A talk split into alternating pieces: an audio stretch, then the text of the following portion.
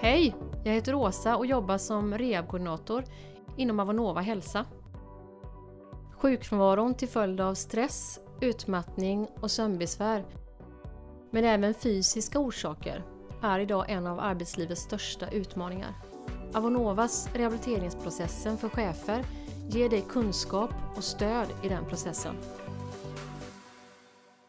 Ja, det visste jag inte att Alskogs dotter tydligen var jäkligt intresserad av kanoteringssport. Ja, Eller kanske rättare sagt var, jag vet inte om det har hållit i sig. som jag har förstått det så har hon tävlat i, i kanotering.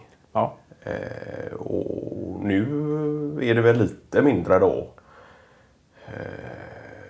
vad gäller det? Är det distriktmästerskap då? Eller är det... Ja, precis. Ja. Eh, Det höll jag på med förr då. Eh, Men som jag har fattat det och som Alskog har förklarat för mig så leder hon någon typ av amatörklubb nu då. ja. Ja. Det var väl lite grejer och så som kom emellan och, och att det här... Ja. Nu vet jag inte hur, hur, hur eh, hög professionell nivå och hur mycket träning det är då inom kanotering. Men det är väl som vilken annan sport som helst då. Men det är klart, eh, det finns ju inte pengar i den. eh, Så sätt. De var ganska högt uppe och, och Nej men det var väl precis som du säger där att det är ju det kan ju vara lite upp till en själv också hur man lägger upp det. Egentligen kan man ju träna 24-7 eh, Ja. även när det kommer till kanotering. Då. Så att, Så är det.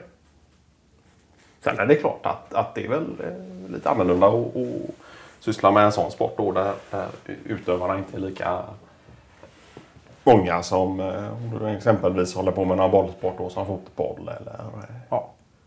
Men som jag har förstått det så har det varit en jäkla bra teambuilding effekt ändå när man är ute många i fält. Eller, Ja, jo. och, ja. Och man har också fattat det som. Så så är det. Men sen är det ju som vad som helst att du lägger ju själv upp ditt egna träningstempo och du väljer ju själv som du sa tidigare att hur mycket du vill träna och hur mycket tid du vill lägga. Och, Ja. så, så, så, så är det ju. Det är ju så med, med allt annat att det är upp till dig själv. Ja, men det tycker jag egentligen. eh, Den attityden kanske man i, om man jämför med andra sporter då kanske snarare inte ser. Utan Ja. att det är ju schemalagt då och då ska det vara eh, obligatorisk närvaro och, och sådant. Och just som det verkar då när det kommer till kanotering att eh, det är lite mer att man själv väljer vilken attityd man har till det eh, så länge man tycker det är skoj och, och sådär. Så att, eh, men di- distriktmästerskap är ju inte att fördöma i någon mening utan det är ju jäkla idoghet i, Ja.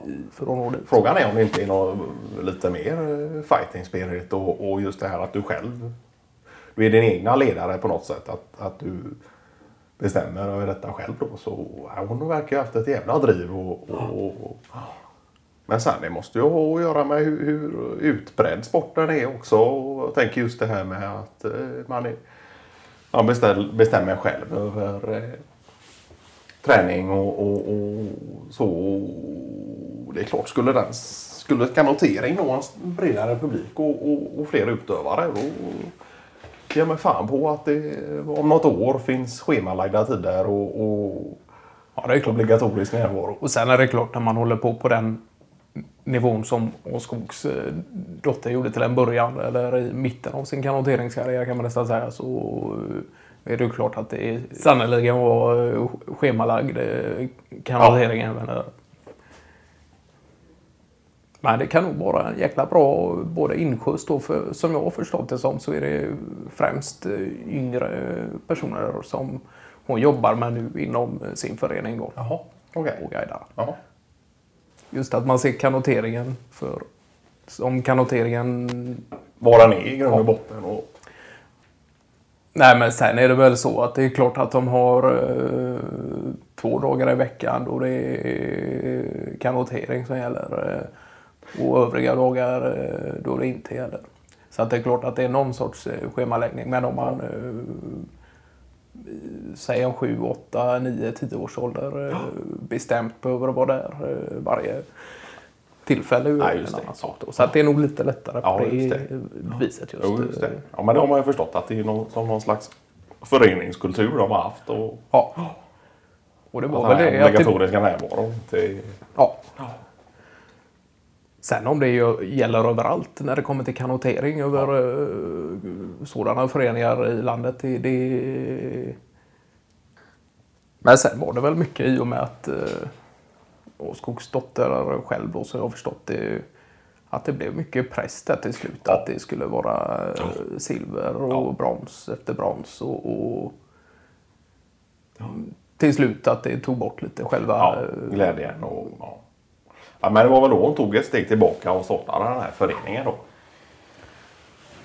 Och där försöker hon väl föra in den här kulturen som hon själv är växt med och, och, och fått med sig då. Och det är ju det här med att det är upp till var och en hur, hur mycket man vill delta då och, och så.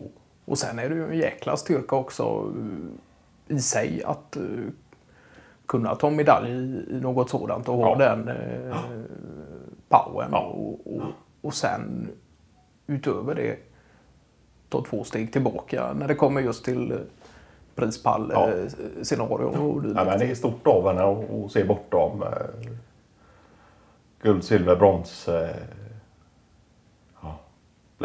Och, men det är ju som Alskog sa och, och han har ju haft full respekt för detta. Och, och, och, han verkar ju imponera men han säger ju samtidigt det att eh, du, man kan ju hålla på så mycket som man vill med någonting men ska du bli professionell då, då krävs det ju schemalagd träning och, och obligatorisk närvaro och, och, och, och ett kostschema och så.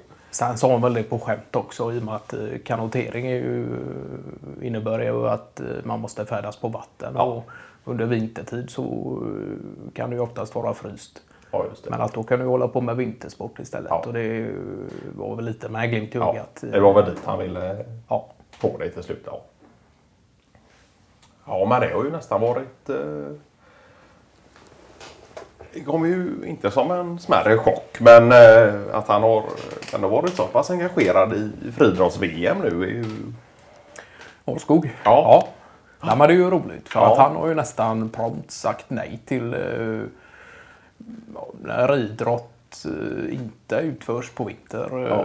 överlag eh, generellt sett. Så, Ja. så att, eh, nej, att han, nej, det är klart att han har följt med innan om det har varit eh, eh, det är klart att det, om det har varit eh, chans på guldmedalj någon, Ja. någon sorts eh, grej. Så, så att, eh, men han blev ju jäkligt frälst i... i Och i diskusen där ja. ja, Ja, och det var ju roligt. Det var ju...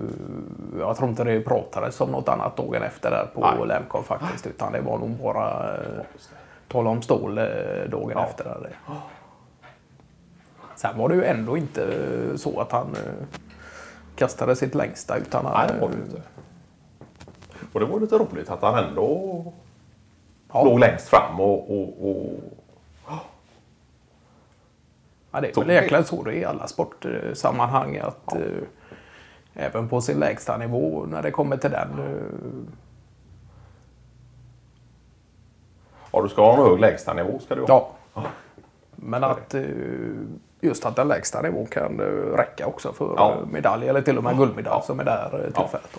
då. Och, och du faller allt rätt och dina konkurrenter eh, gör små snedsteg och, och inte har sin bästa dag så är du tillräckligt tränad och som du säger eh, även att lägstanivån håller då så visar det sig nu i Ståhls fall att det blev ett guld.